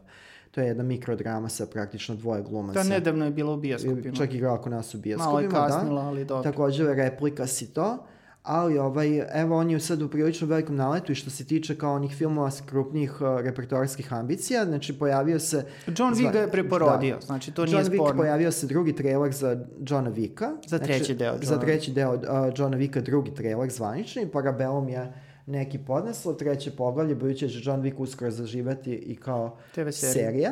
Uh, I uh, Johna Wick ovde ima kao baš je, uh, vidi se da, da je tu došlo do jednog budžetskog uh, prespajanja u smislu da uh, ovde imamo značajno pojačan cast, znači mm. tu su mm. sad Halle Berry, Lawrence Fishburne, uh, mnogo tih uh, nekih ljudi koji su... Ja, Lawrence samom, Fishburne je bio ranije. Bio ranije, ali mislim mnogo... Ali eto Angelica da, Houston Angelica je Houston, mnogo ljudi koje, čije ime kao izaziva neku vrstu posebne pažnje. Osim toga, Keanu Reeves je uh, dao glas jednom važnom liku u konačno novoj uh, priči o igračkama. Jako je Priču o igračkama četiri, četiri. da. Da. Jako je ushićen zbog toga. Mislim da je i dosta ljudi uh, ushićeno zbog nove nove priče o igračkama. Sad ja dolazimo, nisam, recimo, ali ja, da, dolazimo sad do malo nestrepnje, budući da ćemo mi sad morati da, mi koji smo stariji i nemamo te probleme s decom, da ćemo morati da lovimo onu jednu projekciju koja nije nasinhronizovana da bismo čuli između ostalih i uh, uh, Keanu Reevesa. Keanu Reeves je nedavno, zvanično je to i potvrđeno, počeo da snima i film Billy Ted, Face the Music, to je kao, mislim, posle 20 godina, Mm, nešto mi sad to čudno zvuči, da, posle 30 godina zapravo nastavak uh, filma uh, i to će biti treći film o uh, uh, paru uh, tih uh, zgubidana Bila i Teda, koji svako malo putuju Evo ih. kroz vreme. Ostarili su malo. Ovo su Doduše, su, Keanu Reeves da. nije ostario. Alex Winter uh, uh, i Keanu Reeves su tu. Alex Winter su među vremenu preporučio kao reditelj prilično ozbiljnih uh, dokumentaraca, između ostalih i o panamskim uh, dosijejima, panamskim papirima i evo ih ponovo zajedno. Znači, divna vest je da ovaj film će, uh, da ovaj film zapravo, pošto je već snimanje već počeo, a to su povre, uh, potvrdili u tom video obraćanju uh, fanovima. Uh, ovaj film režira uh, Dean Perisot, to je uh, reditelj uh, koga onako pravi filmoljubci vole i poštuju, ako ni zbog čega drugog, a to je prilično dobra karijera, sa doduše uh, velikim potklizavanjima, lošim godinama i slično. On, oni ga vole zbog, i mi ga volimo, zbog remek dela koje se zove uh, Ga Galaxy Quest, uh, to je jedan nezaboravan film. Jo, kako I su Dean kao mladi da. bili. I Dean Perisot će imati priliku da evo udruži se u jednom filmu koji je dugo, dugo spreman i velike su strepnje bile na što bi sad to moglo da izrodi, pošto je taj uh, uh, motiv puta kroz vreme i motiv Da, te- izra, izraubovan je je sto puta. hiljadu puta. Uh, to heavy metal, hard rock usmerenje glavnih likova je sad malo Mm. pase. I pre, prevelika je stvarno pauza, A, ogromna je Pa, pauza. pauza je prevelika, ali mislim da postoji ovaj onako dobar baz i da, da, da je publika generalno dobronamerna da vidi nove avanture uh, Bila i Teda. I ovo, evo, ja to, evo, jedva čekam. Evo da ja se zgodi, prijavljujem. Ali da moramo da se pogledam. uh, strpeti, mislim da je u pitanju uh, tek dan nezavisnosti 2020. ili možda avgust 2020. Evo mi da apelujemo će- ovom prilikom da požure malo, Da. pa požurite. Likujte i ostalo. Ne, ne, Ne, neka, ne, ne, ne, ne. neka, sve, neka sve teče kako treba. Neka, mora, neka biti što biti, biti mora. pričat ćemo o ovom Pričat filmu, ćemo o bit će tome, sigurno će prilike, biti da. prilike, sigurno će biti povoda, ovaj, tek krenuo, znači prošle, preprošle nedelje je krenuo snimanje i eto, to je jedan film kome se baš obojica uh, radujemo bez, uh, bez nekih krupnih razlika. I uh, moramo da završimo u nekom trenutku. Jel sve što ima Da, početak, ima i ima kraj. i kraj. E, I onda dolazimo do jednog dela koji će biti uh, koji će biti konstanta u narednim izdanjima. A bili Ted su bili lep uvod zapravo. Lep to. uvod. Vraćamo se na jedan film koji, uh, koji sad Samo da kažemo film da se ovaj segment znači zove retro retro. i u tom segmentu ćemo se e, najčešće fokusirati na po jedan film iz fundusa, znači neki Da, klasičan film, da bi- bitan da, film. ja mislim da, da, da ćemo pokušavati da to bude domaći film, budući da za svetsku baštinu filmsku ima ko da se postara, naša nekako Da. ostaje uh, Gledat ćemo da bude domaći, ali ne moramo se Da, uvek moramo ograničavati. Zavisi od Ali situacije evo, i krenut prilike. ćemo, krenut ćemo domaćeg, znači skrećemo pažnje oni, oni koji nisu ili oni koji već jesu da repriziraju jedan divan, izvanredan film. Remak dela jugoslovenske srpske kinematografije, Čudna devojka. Film je režirao Jovan Živanović, film datira iz eh, 1962. godine. Tako je, tako. A mi ga odabrali smo da baš sad skrenemo pažnju za njega, jer je uh, nedavno, nažalost, preminula Grozdana Olović, spisateljica uh, po čijem romanu Izlet u nebo. Ta je velika, velika daleka srpska spisateljica, malo onako nepravedno iskrajnuta, čini mi Skrajnuta, se. da. Što Mislim mora da, se zapravo- ispravi. Da zapravo uh, n- uh, tek će biti priča o tome koliko je njen opus značan i zanimljiv i njen roman Izlet u nebo poslužio kao predložak i to dosta verno je zapravo i prenet. U, Da, ti si roman i pročitao, devojka. tako Ja sam da. čitao roman davnih, davnih dana, a onda sam čitao i pre deseta godina kada se pojavila ona verzija romana u izdanju Srpske književne zadruge gde su a, vraćeni neki delovi, neki sitni pasaži koje je tadašnja cenzura unutar izdavačke kuće izbacivala jer je smatrala provokativnim, to je potencijalno provokativnim da bi moglo da zasmetaju a, onima koji čuvaju javni red i mir i poredak. Tako da je to izuzetan roman, on, on čak uh, došao je neposredno posle, čak je malo i pre uh, čitavog niza uspešnih i značajnih romana sličnog uh, profila, znači ovo François Sagan, znači bez uh, nekog mimetizma, bez ponavljanja obrazaca, Grozdana Ović napisala roman uh, koji je odgovarao to duhu vremena u nekom čak evropskom, panevropskom smislu, o jednoj devojci koja je svoja glava, sklona je absurdnom ponašanju, Glumi je Špela Rozin. i glumi je Špela Evo je Rozin. ovde na šolji. Ove- Evo je na šolji. Na moje šolji je Beba Lončar, koju ćemo neki drugi put u dobro ime spomenuti. Mahom je ljudi pamte po onom prvom filmu u kom je bila Ljubav uh, i moda. Ali Čudna devojka se vratimo, znači izuzetan film po svakoj osnovi, znači možete da gledate jednu onako melodramu koja to zbilja jeste, čiji autori ne sakrivaju uh, želju da se bave baš melodramom. Osim toga, uh, uh, donosi to divno lice Špela Rozin. Uh, duše Špela Rozin, mada sad ne mogu da se setim nju je, na, ko je nju nasinhronizovala, ovo nije njen glas. Ja mislim Milana Dravić. čak. Milana Dragić mm. moguće. Ovaj, I tu su Voja Mirić. Voja Mirić je uh, srećen još uvek uh, među nama i on, bi mo, on je svedok vremena po mnogim osnovama, ne samo ovom filmu, mogao bi je priča po sijaset osnova dosta toga zanimljivog o srpskoj i jugoslovenskoj kinematografiji i Zoran Radmilović u, u prilično značajnoj uh, ulozi. Ja mislim da je on isto na sinhronizmu, Da, da, je da, Ljuba ja, da, Tadić. da, Ljuba njega. Tadić, da. To je već, tad, taj nah je već tad bio ovaj, prilična moda kod nas, nekad i iznuđeno rešenje. Mislim da je kod Špela Rozin uh, bio, Bilo moralo je bilo prosto, moralo, da. budući da je reč o slovenačkoj glumici koja u tom trenutku nije imala Ona je praktično preteče da. Sebastijana Kavaci. Da, ona je na, Na neki ona način. da. Scenarij je pisao Ju Grizelj koji je sarađivao sa Jovanom Živanovićem uh, i kasnije. Ali beše da je i ovaj Da. Olujić... o, Da, ona je učestvovala u tome, da, pošto tad je to bilo. Uh, uh, nužno da se uh, i autori romana uh, uključuju u rad na scenariju. I uh, ovo je jedan od filmova koje ja posebno volim zato što potpada to i kao podgrupi filmova u kojima vidimo kako izrastaju gradovi. Ovo je kao ra, uh, tako jedna jako upečatljiva kao film Dvoje. Aleksandar mm. Petrović je upečatljiva uh, filmska razglednica o tome kako je rastao Beograd. Da, čudna devojka i dvoje bi bili sjajni za Da. neki double feature, recimo. Da, Double Bill odličan bi bili, oni uh, pritom slični su filmovi, ali dovoljno raznorodni i oba su odlične Jesu. na svoj način, a eto kažem problematizuju to kako niče grad dok dvoje junaka rešavaju svoju neku intimnu dramu, možemo da vidimo kako se uh, menjao grad koji se kao i ovih dana baš u, u nekim uh, pravcima uh, Menja, menja, tako je. redefiniše, tako da evo, uh, ovde ćemo njihovu dramu, ova dvoje, dvoje glavnih junaka gledati u obrisima uh, Novog Beograda, to, je- koji, Koji tek, se izdiže. koji izdiže iz, Jest. iz, iz peska. I uh, osim toga, evo, uh, da pomenem, evo, to mi je jako važno, da kada krenete, ako budete u prilici pogledati čudnu devojku, A svakako... to vam te- svakako, da, svakako preporučujemo. Svakako ima- imajte strpljenja i da malo izučite uh, detaljnije uh, ostali deo opusa rejterskog Jovana Živanovića, koji nažalost uh, često ostaje van fokusa ovdašnjih uh, uh, teoretičara filma. Tako da možemo da skrenemo pažnju da svakako treba pogledati iz tog nekog perioda njegove karijere i filmove Gorki deo reke, koji se isto naslanja na, to, na taj deo filmova o uh, rastu grada i uh, možemo ovaj, po, da preporučimo Mirne duše film kako su se voleli uh, Romeo, i Julija. Mada zapravo svi njegovi filmovi su jako, jako uh, zanimljivi iz ovog, iz ovog razloga. Mislim da ovaj Gorki deo reke Čudna devojka i uh, kako se voli Romeo i Julija predstavlja taj neki smisleni, uh, smisleni neki ciklus uh, sl- tema sa sl- uh, uh, filmova koji su slični tematski, motivski i po nekom duhu.